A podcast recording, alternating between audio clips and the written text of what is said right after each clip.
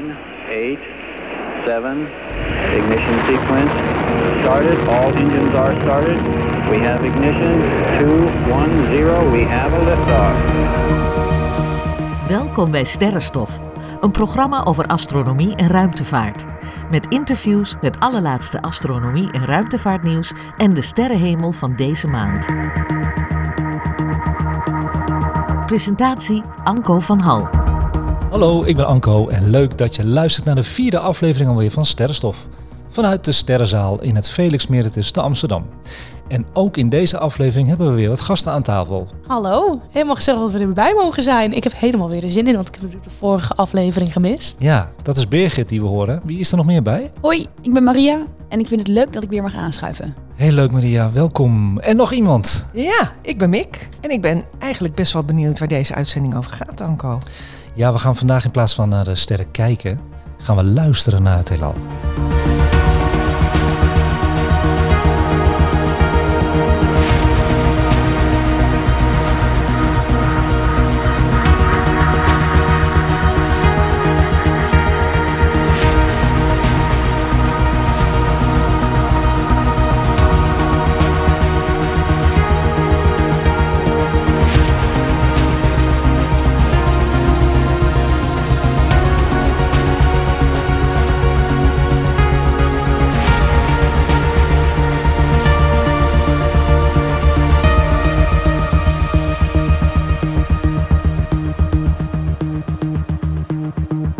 Start het onderwerp maar gelijk wederom met een vraag voor jullie aan tafel. Wat komt er in jullie op als het gaat om geluiden uit de ruimte? Nou, voor mij is het eigenlijk geen geluid. Wat ik altijd een beetje zie bij films en dat soort dingen is dat wanneer ze in de ruimte zijn, dat het allemaal helemaal weg hebt. Dat het gewoon een dof niks is. Ja, Dus ik kan me niet voorstellen wat, er, wat je in pet dus voor jou is het helemaal spannend wat Ja. gaat gebeuren. Anneminke, jij? Ja, ik, eh, ik, ik eh, hoor dan onmiddellijk allerlei bliep bliep, eh, piep piep en, en, en, en ja, heel veel wind ook. Want je, je ja. hoort altijd dat er op de planeten heel veel wind Ja. is. Dus dat zou je zeker ook wel horen. Ja, nou, ik ben heel benieuwd wat je er gaat, van gaat vinden. Want volgens mij zit je dicht in de buurt. Zit je warm. En jij, Maria? Nou, ik moet me eigenlijk, ik ga me eigenlijk een beetje voorstellen dat ik inderdaad ook films me voorstel. Ja, En dan specifieker Star Wars, maar dat ze dan gevechten met elkaar aangaan. Dus het bliep bliep zijn dan van de pistooltjes. Van de lasers. Ja, ja, precies. Van de lasers en van de... Ja, daar, dat, maar dat is natuurlijk niet serieus, maar Nee, oké. dat associeer ik er wel mee. Ik denk dat ik jullie ga verbazen. In de vorige aflevering hebben we al wat buitenaardse geluiden kunnen horen. Weten jullie nog? Dat is de Marswind. Mhm. Maar wisten jullie ook dat veel hemellichamen hun eigen geluid hebben? Zoals planeten en sterren. Even om te beginnen, hoe meten we geluid dan? Hoe, wie, wie neemt dat waar? Ja, nou ja, kijk, weet je, het luchtledige, de ruimte zelf, kent geen geluidsoverdracht in het vacuüm. Dat zei Birgit al, hè, het is ook zo. Het is er dan ook eh, gewoon muisstil. En hoe kunnen we dan toch, wat jij vraagt, geluiden en signalen binnenkrijgen buiten onze aarde? We hebben middels ruimtevaartuigen geluid van het oppervlak of atmosfeer van een andere planeet of maan kunnen opnemen. Gewoon geluidsapparatuur. Of vangen het geluid op van sterren via radiotelescopen. Aha. Ja, maar we gaan eerst even gewoon naar de audio. Dus gewoon opnames van een geluid van 40 jaar oud. En dat is van de Venuslanding van de Venera 14 in 1982. En dat is van Rusland. Die hebben ze pas, eh, nou ja, vrij recentelijk gereleased. Ik wist er ook niet van, maar het geluid is er echt. Voordat het ruimtevaartuigje al na twee uur ten onder ging door de hoge druk en de helse hitte van 327 graden op de bewolkte en vulkanische planeet Venus, stuurde het nog deze opname terug naar de aarde. Dus wacht even, het is, het Ja. is er niet gegaan voordat eh, deze opname is gemaakt voordat hij implodeerde of explodeerde? Of... Ja, ik denk dat hij gewoon inderdaad is geplet Oké, door de hoge druk. Oh ja, voordat wij gaan luisteren trouwens, dat wil ik wel even zeggen voor de luisteraars. Misschien is het handig, want eh, deze uitzending en podcast wordt ook eh, geluisterd in auto's. Wat ik heel leuk vind. Alleen dan komen de geluiden niet zo goed over. Dus het beste kun je dit met een koptelefoontje beluisteren. Geluiden uit eh, het heelal. Of lekker om tien uur 's avonds, zodat je naar bed gaat of zo. Dus even een uitleg wat je gaat horen op volgorde. Eerst hoor je het dalen en daarbij atmosfeergeluiden van wind en weer. Dan hoor je het neerkomen van het vaartuigje als doffe klap. Daarna hoor je een plop wanneer de kap van een cameralens afgaat. Dan hoor je boren op de venusgrond. En dan hoor je wat venusgrond gedropt worden in een ruimte van de Venera om te analyseren. Oké, met die kennis zullen we er naar luisteren? Ja, graag.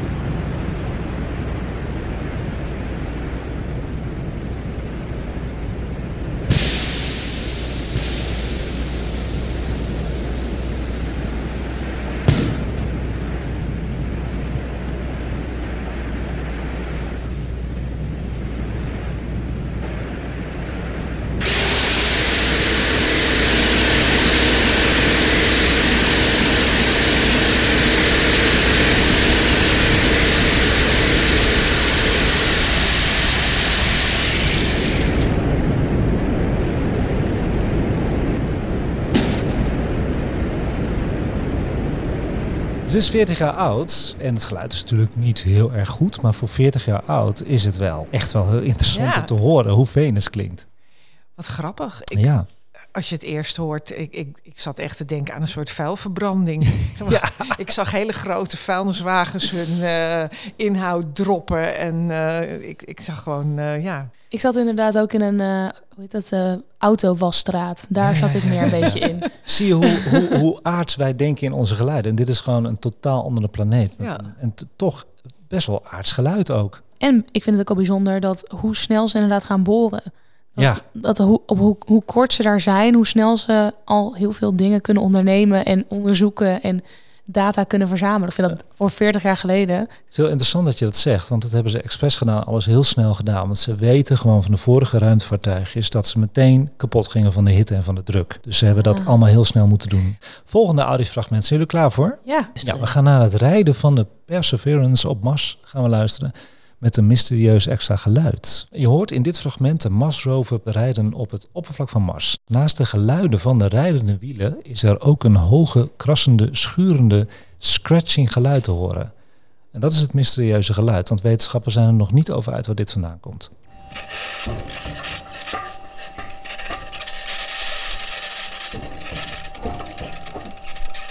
Dat was hem, hè? dat Ja. was hem. Dat is een korte. Als je dat metaalachtige hoort, dat zijn de wielen van de rover. Ja. En dat scratching, dan zou je denken dat is het slepende van de wielen, maar dat is het niet. Dat weten ze niet wat het is. Mogen we nog een keer luisteren? Zeker?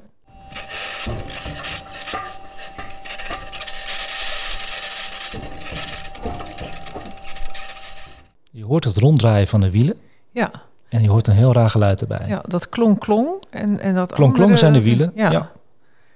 Apart, hè? Wat, wat gek dat ze dat niet eh, Nee, ze kunnen kunnen het niet- analyseren. ze wat kunnen niet dat- verklaren. Nee. Maar misschien een beetje een kritische vraag. Want alles wat we nu horen is natuurlijk met het landen en ja, toch een beetje van de machines die daarheen gaan.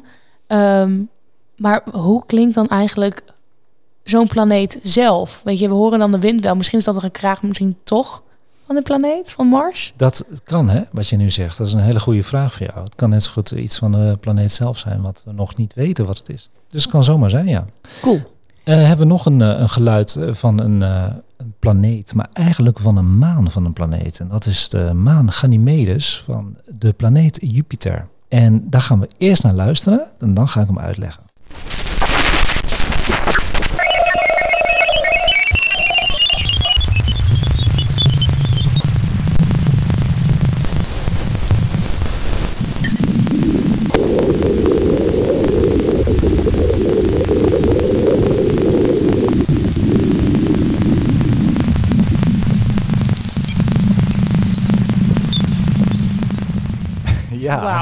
Ja. Nou, dit vond ik wel heel erg Star Wars. Heel dit erg is, R2D2. dit is echt wel science fiction, Ja. lijkt wel, hè? Ja, Ja, het is niet eh, het geluid van een oppervlak van een planeet. Het is ook niet het geluid van de atmosfeer van een planeet.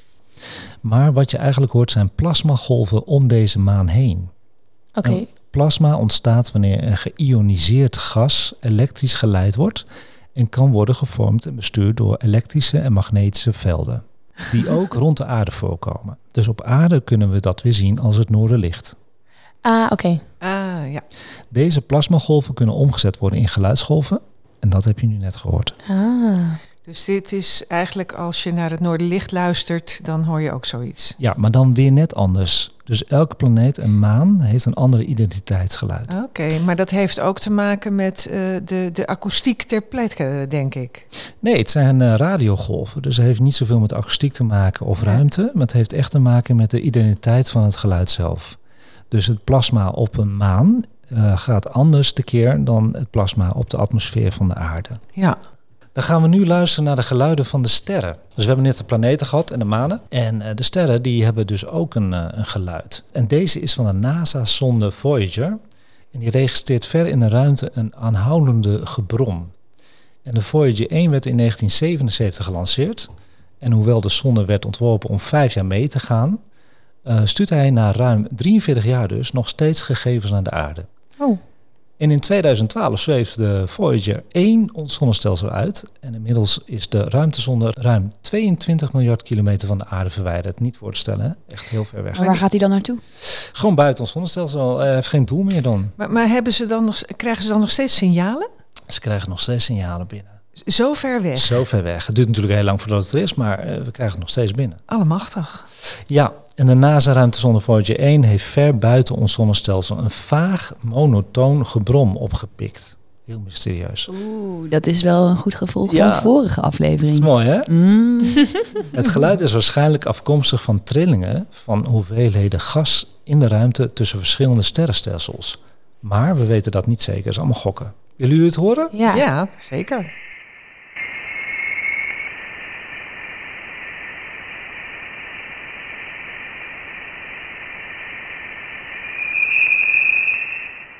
Bijna of je op het centraal station staat. Het piepen van de trein. Nee, het fluitje van de stations. Ik vind het overigens wel het mooiste geluid of zo. Omdat Ja. ik heb het gevoel dat hier geen, geen niks bij betrokken is. Enkel geluid, enkel wat er in dat gebiedje plaatsvindt. Dus dan heb ik het gevoel dat dit het meest is hoe de ruimte klinkt. Wat leuk, ja. Ja, Iedereen heeft zijn eigen gevoel bij zo'n geluid. En jij Maria, wat, wat denk jij bij zo'n geluid? Ik sluit me bij Mick aan. Ik vond het inderdaad wel een, een maar vooral ook een winderig station. Waar het heel, heel open, waar het geluid zo Ja. resoneert. Ja, nou, dat is interessant. Ja, ze weten niet wat het is, hè. Ze, ze gokken maar wat. Maar het is heel opvallend, want dit hadden we natuurlijk niet verwacht. Dat de Voyager 1 dat nog zou toesturen naar ons. Dus veel geheimen nog in het heelal. Dan hebben we nog eh, andere eh, achtergrondgeluiden die we hebben opgepikt. En bijvoorbeeld de FRB's. En ik moet dat even goed uitleggen, want dan moest ik even goed in, inlezen ook. Want ik wist helemaal niet wat dat was. Dat zijn de Fast Radio Burst. Het is een korte, heldere radiopuls met een kennelijke oorsprong buiten het melkwegstelsel. Dat is echt heel ver weg. De pulsen hebben een lengte van slechts een paar milliseconden en worden niet herhaald. En sinds hun ontdekking in 2007 worstelen astronomen met de vraag waar deze radiopulsen vandaan komen. Astronomen ontdekten dat deze radioflits, dus puls, zijn locatie deelt met eerdere uitbarstingen van gammastraling.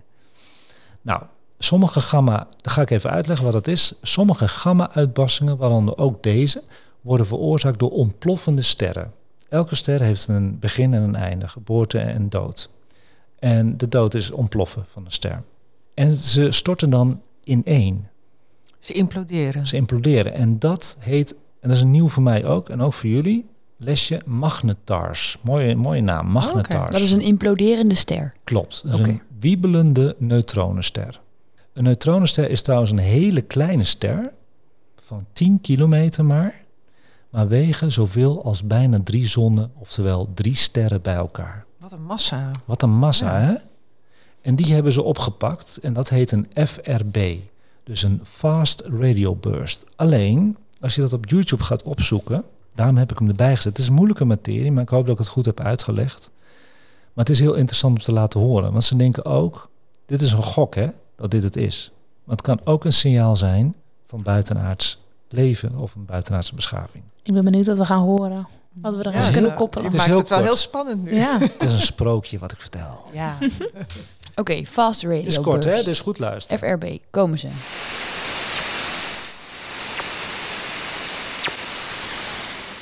Nou, dat vind ik ook wel gebliep. Is ook gebliepen hè? Ja. Ja, Nog een keer? ja.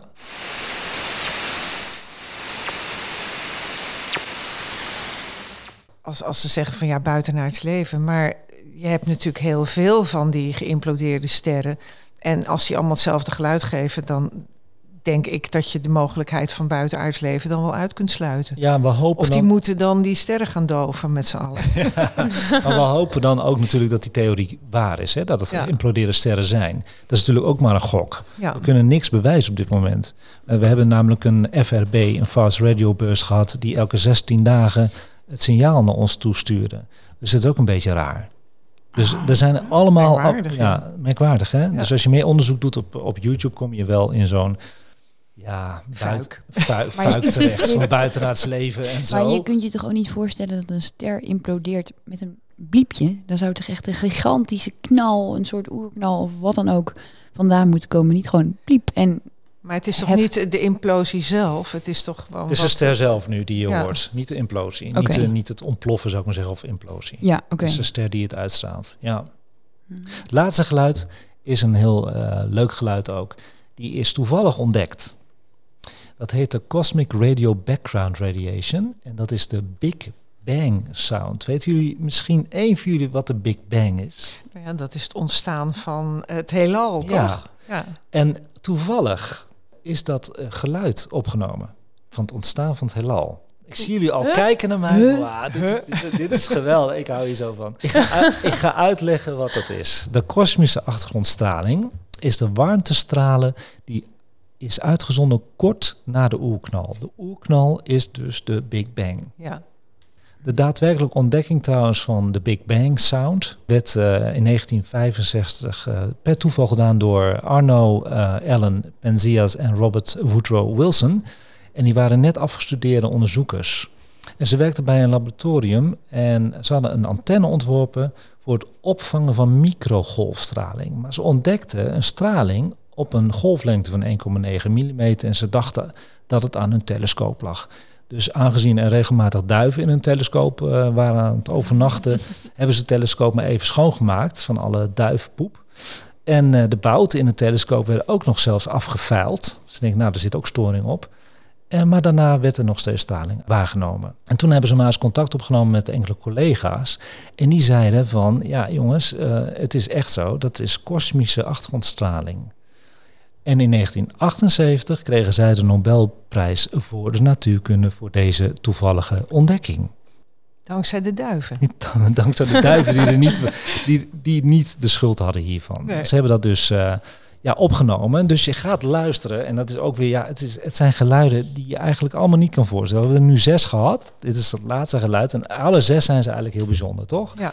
Nou, de Big Bang Sound. We gaan gewoon luisteren naar het begin van het universum, hoe dat klonk.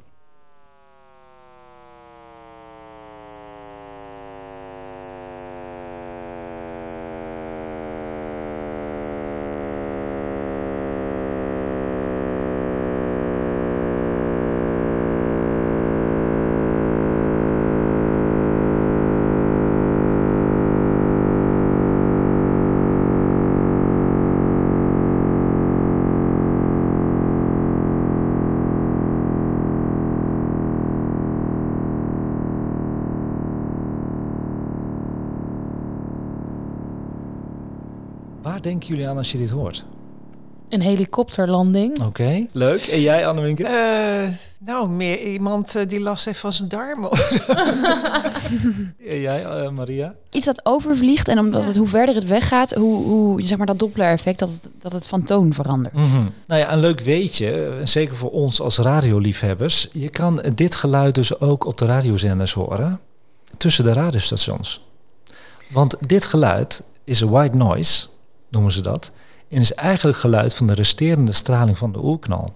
Kunnen wij gewoon opvangen met onze radio. Nou, Van Oh. 13,7 miljard jaar geleden. Allemachtig. Ja. Dat is Zie niet- je er wel met Ja. open mond Ja. naar Ja. kijken? Ja, Nou ja, dat is eh, wa- wat, wat je vroeger de Mexicaanse hond noemde. de, de ruis hè, ertussen. Ja, Ja. dat, Ja. Is, dat is de oerknal. Dat is te de- horen. Oké. Maar hoe moet ik me dat dan voorstellen? Dat dat geluid is zo lang onderweg geweest dat het nu gewoon nog hier in de lucht hangt. Ja, zo moet je dat voorstellen. Oké. Of zijn het nog de trillingen, de natrillingen? Zomaar natrillingen. Ja. Ja. Wauw. Ja. Oh, ik vind het heel cool. Dat waren de geluiden Ja. van de planeten en de sterren. Wat vonden jullie ervan? Interessant. Nou, ik heb überhaupt nog nooit een geluid gehoord, dus het was sowieso nieuw. Ja, hartstikke goed. Ja, ik vond het ook leuk dat ze zijn allemaal zo verschillend. Nou, als luisteraars leuk vinden wat ze gehoord hebben, dan kan ik er nog wel een keer een uitzending als rubriekje aan wijden. Dat we elke uitzending één geluidje laten horen van het universum. Wat leuk. Dat is wel leuk, ja. Ja, goed Ja, idee. Dus luisteraars kunnen verzoekjes bij jou doen om Al- fragmenten. Altijd. En hoe kunnen ze jou dan bereiken? Ze kunnen me mailen via sterrenstofnieuws.gmail.com. En sinds kort kunnen ze ook mij bereiken via Instagram. Sterrenstofnieuws. Oké, en dan kunnen ze zo in je DM sliden. Zeker, zeker. Cool. thank you En dan zijn we nu toegekomen aan de vraag van de luisteraar door Anneminke. Ja, mijn vraag is, hoe zit het in godsnaam met tijd in de ruimte? We hebben het er al een beetje over gehad, over hoe lang zo'n geluid erover doet om bij ons te komen. Ja. Dat je naar het verleden kijkt, ik vind dat echt fascinerend. Maar ik heb ook altijd begrepen dat heel veel van de sterren die wij zien eigenlijk al lang uitgedoofd zijn. Maar dat dat licht nog steeds eh, naar ons onderweg is of zo? Of eh, hoe moet ik dat zien? De sterren die wij zien, sommige zijn uitgedoofd, dat klopt, en sommige niet. Het is inderdaad waar dat het licht van deze sterren oud licht is.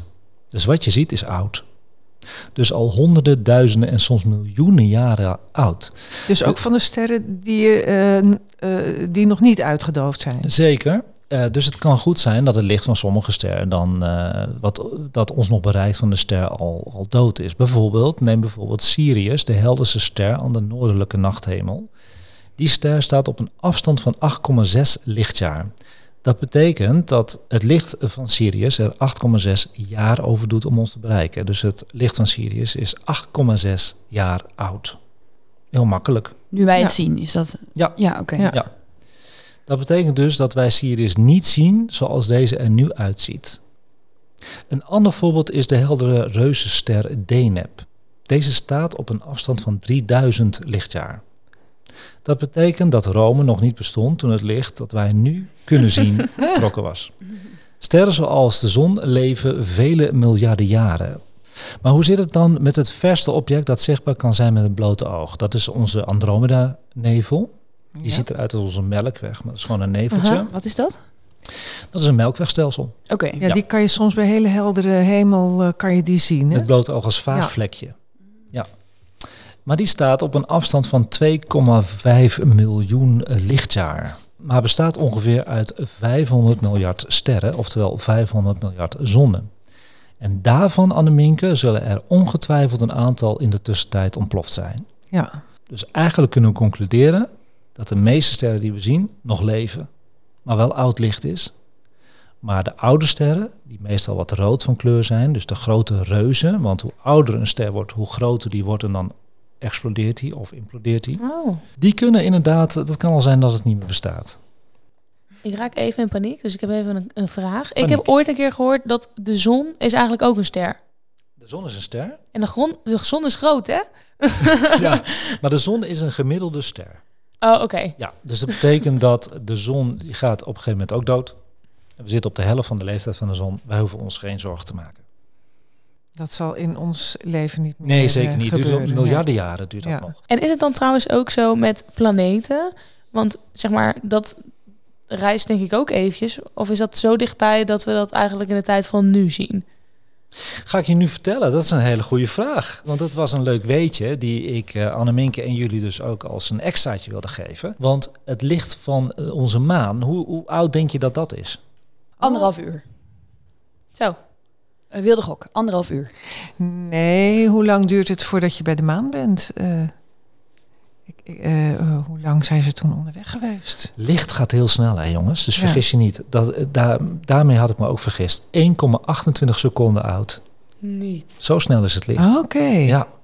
Onze zon, acht minuten oud, het licht. Oh. Dus wat we nu zien is van acht minuten geleden. Mars bijvoorbeeld, mijn favoriete planeet, is 14 minuten oud, het licht. En dan hebben we de dichtstbijzijnde ster, Proxima Centauri. Die staat 4,6 lichtjaar van ons vandaan. Dus 4,6 jaar oud, het licht. Ja, en het licht eh, van de Andromeda Melkwegstelsel, dus 2,5 miljoen jaar oud. Dus dat is echt, echt naar het verleden kijken, jongens. Ja. Wat een, een raar idee is Raar, eigenlijk. Ja, Allemaal oud licht wat we zien. Zelfs van de maan, ook al is het 1,28 seconden oud. ja. En het licht waar, we- wat we nu zien, dat is eigenlijk Acht ook minuten acht oud. minuten oud. Ja. Ja, je hebt het begrepen, dat is het. Ja. Welkom bij Sterrenstof, een programma over astronomie en ruimtevaart. Met interviews, het allerlaatste astronomie- en ruimtevaartnieuws en de sterrenhemel van deze maand. Presentatie Anko van Hal. Dan is het eh, nu tijd voor astronomie en ruimtevaartnieuwtjes in het kort. We beginnen gelijk met een nieuwtje van onze tafelgast Maria. Ja, nou, ik las deze week in de krant dat eh, het Pentagon gaat UFO-dossiers vrijgeven. Ja? Waarin nieuwe, nou ja, nieuwe dingen bekendgemaakt gaan worden. En ik quote, en dat was ook de headliner van het artikel: Deze technologie tart natuur, natuurwetten. Ja. Dus eh, ja, maak je borst maar nat, eh, UFO-gek Anko. UFO-gek Anko. Ja, want het is echt, eh, ze zeggen van we gaan ook videobeelden, infraroodopnames, radar- en satellietbeelden vrijgeven. Dus misschien is dit wel een hele leuke in navolging van vorige week. Vorige aflevering bedoel ik. Ja. Nou, ik. Ik weet niet wat we gaan, we gaan meemaken. Ik weet eigenlijk ook niet wat ik meemaak. Want in al, heel mijn leven heb ik niet meegemaakt dat er zoveel ophef is over UFO's. ja, En dat eh, Obama zich ermee eh, heeft bemoeid. eh Oud-president, de nieuwe president, het Pentagon natuurlijk, de militaire Mhm. de regering. Het is niet te geloven wat aan de hand is. Ik maak het niet heftiger of sensationeler dan het is. Want het is sensationeel. nee, ja, het staat dus ook echt in de kranten. Dus er zijn ook betrouwbare bronnen. En er stond ook in het artikel dat eh, eerder hadden ze bij eh, signalen waarvan ze geen idee hadden wat het hadden, wat het was, hadden ze het idee van, oh, dat is Rusland of dat is China. Maar er stond ook echt in het artikel dat dat helemaal uitgesloten is. Uitgesloten. Dus dat ze dingen gaan vrijgeven waarvan ze geen idee hebben dat het is. Dus eh, ja, de UFO-gek gaat losbreken. Maar misschien is het ook wel juist goed dat ze het vrijgeven. Want je hebt toch ook wel eens, of dat heb ik wel eens gezien met een documentaire, als bijvoorbeeld een crime scene is waar ze zelf niet uit kunnen komen, dat ze het vrijgeven en dat Ja. iedereen zich ermee gaat bemoeien, waardoor Ja. ze het toch op kunnen lossen. Ja, Als dit nou ook zo'n case is, dat we hierdoor juist kunnen we meedenken, we kunnen ons bij- zelf bij betrekken en Ja. dan komen we er misschien toch zo achter. hoop het. Ja. Dat alle amateur-astronomen kunnen helpen. Ja, weet jij Nou, veel? voel je geroepen. Ja dat Anko straks het heeft uitgevonden wat het geluid betekent. ja. Dan kennen wij gewoon een heel bekend persoon, hè? Nee, maar dit is eh, heel interessant. En eh, ik, ik las ook in een artikel dat de mensen die al meer hebben gezien van dit eh, dossier eh, wit wegtrokken. Weet je waar ik nou benieuwd naar ben? Ik ben dus niet bang. Ik ben zo benieuwd hoe wij als wereld daarop gaan reageren. Ik wilde net vragen, hoe gaan ze dit brengen zodat iedereen... Kalm het- blijft. ja, ik denk dat ik eerder bang ben voor dit hele politieke spelletje dan echt voor het buitenaardse ik leven. ook. Ik hoop dat we het in een volgende podcast kunnen bespreken. Ik denk dat hij steeds terugkomt. Dit. Hmm. Past wel. En Anko, heb je nog een ander nieuwtje? Ja, ik heb iets leuks gezien. Ze gaan een experiment doen. Ze gaan een houten satelliet lanceren. Nou ja, dat begrijp ik dus niet. En waarom? Sustainability. Ja, een soort, ja, het is een Finse start-up van Arctic Astronautica. En ze willen dus een houten nano-satelliet lanceren, dus een kleintje. En het heet de Visa Woodsat. Het is een kubus van 10 bij 10 bij 10 Meters. eh, centimeter zelfs. Oh. En eh, weegt amper 1 kilo en is gemaakt van 9 mm dik multiplex berkenhout. Dat is echt een mini-mini satellietje. Ja, en waarom van hout zou je denken? Nou, Finland, hè? Veel hout. Ja, Veel bijvoorbeeld. werken. Ja, bijvoorbeeld. Nou ja, de voorkeur wordt gegeven aan het gebruik van hout omdat daar gemakkelijk mee gewerkt kan worden. Het is goed bestand tegen vibraties en indien juist gebruikt, eh, verrassend sterk. En aan boord bevinden zich diverse sensoren en twee camera's die gebruikt kunnen worden om de staat van het hout nauwlettend in gaten te houden. De Allemaal in die kleine dobbelstenen. Ja? Ja. Ja. De apparatuur draait op elektriciteit die de satelliet met behulp van zonnepanelen zelf opwekt. Dus het is inderdaad heel groen allemaal ook. Het hout kan wel een beetje verweren, want eh, het kan donkerder worden door de UV-straling en de cellulosevezels aan het oppervlak kunnen uiteenvallen, waardoor het eh, hout lelijk wordt. Maar het is heel spannend. Gaan ze binnenkort nog zo ja, proberen. dat zie je van die afstand toch niet. Zie je toch niet. Nee. Eh, ik vond het wel een leuk nieuwtje, want eh, Ja. wie had het ooit kunnen bedenken, een houten satelliet. En NASA gaat terug naar Venus. En eh, we hebben het net over Venus gehad, de helse planeet. Maar ze vinden het toch interessant genoeg om daar naartoe te gaan. En dat gaan ze doen tussen 2028 en 2030. En dan gaan twee zondes naar onze bloedhete tweelingzus Venus. De missies, onderdeel van NASA's Discovery Program, hebben het doel om meer inzicht te krijgen in hoe Venus is getransformeerd in de brute wereld van vandaag de dag. En dat terwijl Venus en de aarde eigenlijk zoveel gemeen hebben. Het zijn bijvoorbeeld beide rotsachtige planeten en hebben bijna dezelfde grootte, zelfs speciaal in het uh, zonnestelsel. En dezelfde massa en dichtheid. Bovendien denken sommige wetenschappers dat Venus wel eens de eerste leefbare planeet in ons zonnestelsel is geweest. Dus eerder dan de aarde. Compleet met een oceaan en een aardachtig klimaat. Maar daarvan is nu natuurlijk niets meer te zien. En zo heeft Venus een gemiddelde oppervlaktetemperatuur die ruim boven het smeltpunt van lood, dat is 327,5 graden ligt. Dat is echt heel heet. En, en, is dat ook onze toekomst als aarde? Eigenlijk wel, want dit is een broeikaseffect. Ja. Het heeft op een gegeven moment eh, een wolkendek gekregen waar geen warmte meer uitkomt. Dus het is interessant genoeg om daar te gaan kijken naar fossielen. Ja. Ja, je leert van de geschiedenis, toch? Zeker weten. Als dit de geschiedenis is. Ja, en zo net is trouwens ook bekendgemaakt dat de ESA, de Europese Ruimtevaartorganisatie, ook naar Venus gaat. En dat is op zijn vroegst in 2031. En deze missie gaat Envision heten. Wat een naapert. Ja. Of Ja. een wedstrijd. We willen meedoen. Denken nee, de van, ESA eh, en NASA doen geen wedstrijden trouwens. Maar denk je Nee, dat volgens mij werken die wel Die samen, werken toch? samen. Ja. Ja. Laatste nieuwtje. Eh, dat is weer China. China komt weer om de hoek kijken. want ze brengen weer astronauten naar hun eigen ruimtestation. En dat was op het journaal zelfs afgelopen week. Oké. Het drietal is onderweg naar Tiangong, het nieuwe, nog in aanbouw zijnde ruimtestation. En we hebben het gehad over dat we het eh, ISS kunnen zien met het blote oog. Ja. Nou, Ja. China is eh, ook heel goed bezig. Dus zometeen hebben we er misschien twee die we overzien komen. Oké, dan hebben we twee apps. We hebben twee Nodig. apps. ja. En de drie astronauten zullen naar verwachting drie maanden aan boord eh, van het eh, ruimtestation eh, vertoeven. En ze hoeven zich niet te vervelen. Ze hebben namelijk verschillende belangrijke taken toebedeeld gekregen. Zo zullen ze een aantal cruciale technische tests en experimenten uitvoeren. En staan er twee ruimtewandelingen op het programma. Mhm. En waar zijn die ruimtewandelingen? Bij het eh, ruimtestation. Dus echt op het station, zeg Ja. maar. Ah, oké, gaaf. Maar je zegt ze gaan naar een station dat nog in aanbouw is. Ja. Dus ze weten nog helemaal niet zeker of ze wel een- dak boven hun hoofd hebben. Ze hebben, wel, ze hebben al wat modules inderdaad daar ja, hangen, zou ik maar zeggen. Die zijn er al. En daarvan uit gaan ze natuurlijk bouwen. Dus de kamertjes om te slapen en om te leven zijn er al. Ja, oké. Ja, want Gelukkig de ISS is, is ook eigenlijk nog steeds in aanbouw. Hè? Zeker. Die wordt steeds groter. Ja, Ja. ja absoluut. Anneminke, je had toch ook nog een nieuwtje? Ja, ja want dat, eh, dat las ik eh, in de krant. Eh, in Chili is een enorm telescoop. Daar kun je gewoon de hemel heel goed zien. en daar hebben ze ontdekt een, ja, een, een iets. Een bevroren mini-planeet. Ze weten niet precies wat het is. Of Oh. een overblij- op, op drift geraakt overblijfsel uit de jeugd, uit de prille jeugd van het zonnestelsel. Of een indrukwekkende megakomeet. Ze weten niet wat het is. Het is een enorm object. En eh, het, ja, de sterrenkundigen die liggen er echt wakker van. Van Ja. ja, dit is echt heel vreemd. Ja. Ze komen er niet achter. En het heette UN 271. En die werd eh, onlangs gevonden op foto's die de afgelopen jaren gemaakt zijn als onderdeel van de Dark Energy Survey. En eh, hij beweegt in een eh, hele steile baan. En hij komt in 2032 of zo, zit hij het dichtst bij de zon. Maar dan is hij nog steeds veel verder dan Saturnus. En dat is zo'n 7,5 biljoen kilometer afstand. Ja. En hij is afkomstig uit de Oortwolk. En de Oortwolk, dat is Jan Hendrik Oort, was een eh, Nederlandse astronoom hè, Klopt, ja. uit de vorige eeuw.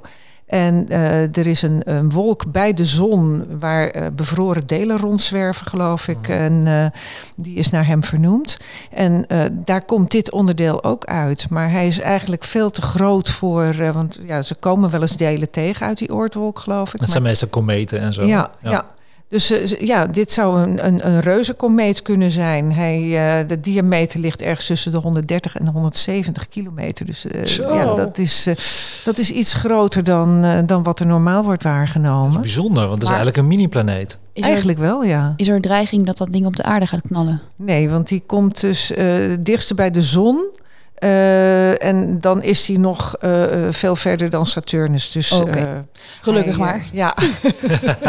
ja, dat was ook iets wat, wat ik meteen dacht toen ik dan zag van... Zo, dat wil je niet op je hoofd hebben. Ja, Maar dat zal ook niet gebeuren. Maar het is wel vreemd, want ja, astronomen staan voor een raadsel. ja. En dat is heel nieuw. Dat was deze week. Bijzonder. Mooi nieuws Ja. ook. Mooie afsluiter. Ja, misschien Ja. is het ook wel leuk als je dus benieuwd bent hoe dit, hoe dit eruit ziet bij Chili. Want ik weet van Drill op reis, volgens mij is Dennis Stormer nog een keer heen geweest. Die gaat dus naar dat ruimte, eh, ja, ik weet eigenlijk niet eens hoe dat heet. Een soort sterrenwacht. de Ja, de sterrenwa- sterrenwacht in Chili, daar gaat hij langs. Dus dan kan je eruit, eh, zien hoe dat eruit ziet en wat voor onderzoeken zij aan het doen zijn en hoe dat vanuit hun positie eruit ziet, zeg Ja. maar. Dus misschien is Oh, dat nog een leuk tipje. Ja, leuke tip. Gaan we kijken. Ja, Dankjewel Annemink ook.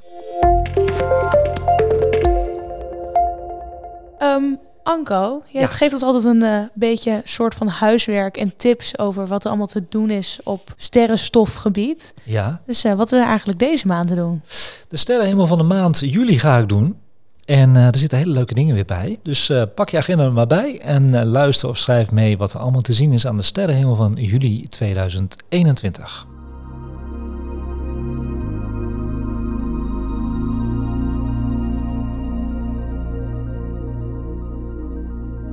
We gaan beginnen met de planeten. En er zijn deze maand gelukkig weer vijf planeten met het blote oog zichtbaar voor ons. Vorige maand waren dat er vier, want onze kleine Mercurius was eh, achter de zon beland. Maar die is weer terug. Trouwens, er zijn natuurlijk meer planeten zichtbaar, maar niet met het blote oog. Dus eh, Uranus en Neptunus, waar ik het nooit over heb, zijn wel te vinden hoor. Ik heb ze wel gevonden met mijn fotostel en met een telescoop. Maar die heb je dan wel echt nodig eh, om Uranus en Neptunus te zien.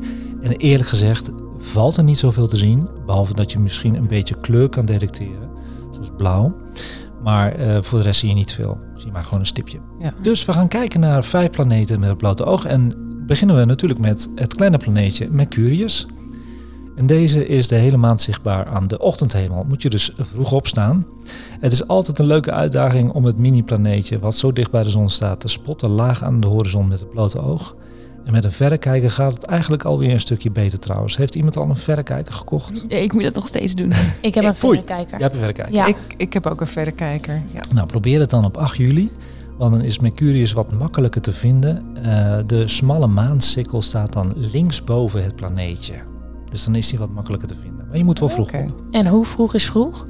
Ja, toch voor zonsopkomst is toch op dit moment geloof ik al om half vier Ja, het is vroeg. te zien aan de oost- tot noordoostelijke horizon.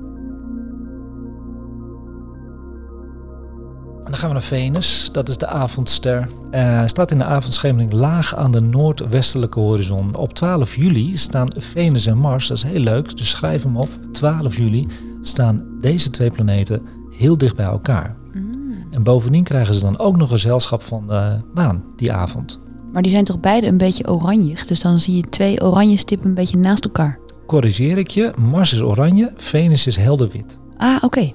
En Venus is een stuk helderder. Mars is een beetje moeilijk zichtbaar. Ik heb hem geprobeerd te fotograferen afgelopen maand. Het is eigenlijk niet te doen. Het is heel klein. Maar nu ze bij elkaar gaan staan, is dat weer een heel leuk fotomoment voor mij. Ja.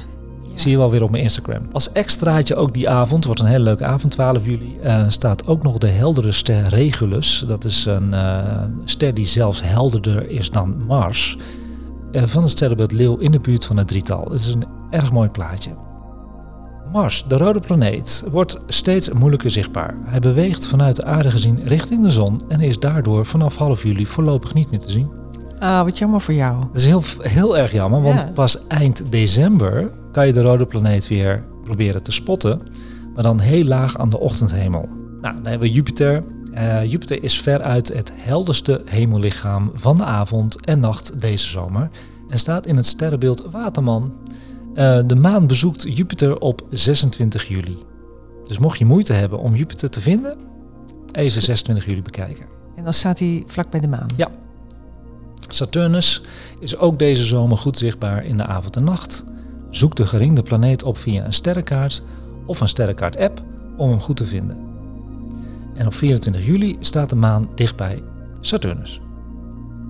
En dan heb ik nog een tip, hè? Kunnen jullie het verschil aan de hemel zien van een planeet of een ster? Dat vind ik heel lastig. Ja, Ja. dan ga ik een tip geven. Het licht van een planeet is meestal heel rustig. Met andere woorden, een planeet fonkelt of knippert nauwelijks, terwijl sterren dat wel doen. Dus als je vaak naar sterren kijkt, zie je ze fonkelen. Hè? Ja. Ja, dat is echt een goede tip. Ja.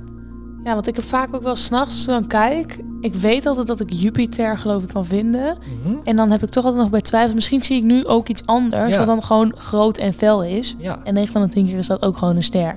het flonkeren van de ster wordt veroorzaakt door turbulentie in de aardse dampkring. Ah. Sterren staan namelijk zo ver weg dat het echt puntbronnen zijn, dus echt puntjes. En planeten vertonen piepkleine schijfjes. Het gevolg is dus dat planeten veel stabieler lijken te stralen dan sterren. Alright.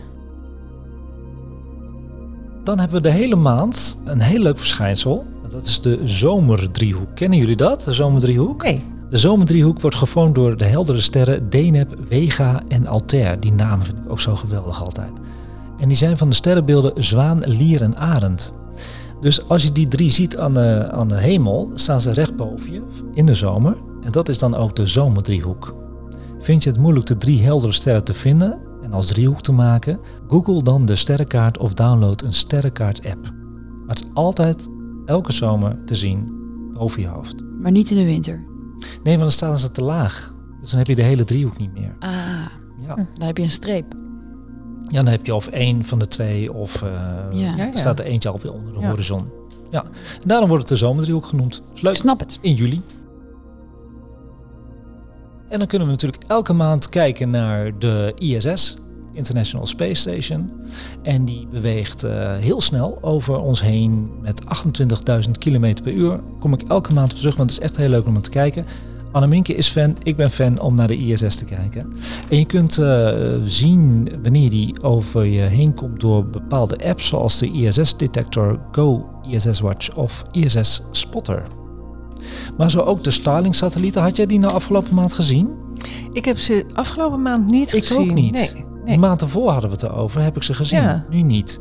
Maar als je echt wil weten wanneer ze overkomen, zo'n satelliettreintje is dat, hè? dat weten jullie nog wel van de vorige keer. Mhm, Dat waren toch de satellieten van Elon Musk? Klopt. Ja, oké. ja, en die lanceert zoveel eh, satellieten als een soort van eh 1600 per lancering. En hij wilde meer dan 10.000 in een baan rond de aarde brengen. Wat, Nou, een, wat een vervuiling van de atmosfeer ja, is dat. Het is Hij dat- eigenlijk vreselijk. Hij hoor. moet dat met berkenhout gaan doen. Hij moet samenwerken met die vinnen.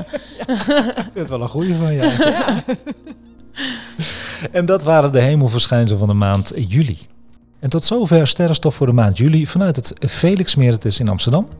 En vergeet mij niet te mailen voor vragen, opmerkingen en tips over astronomie en ruimtevaart op sterrenstofnieuws.gmail.com. En Sterrenstof is nu te vinden op Instagram.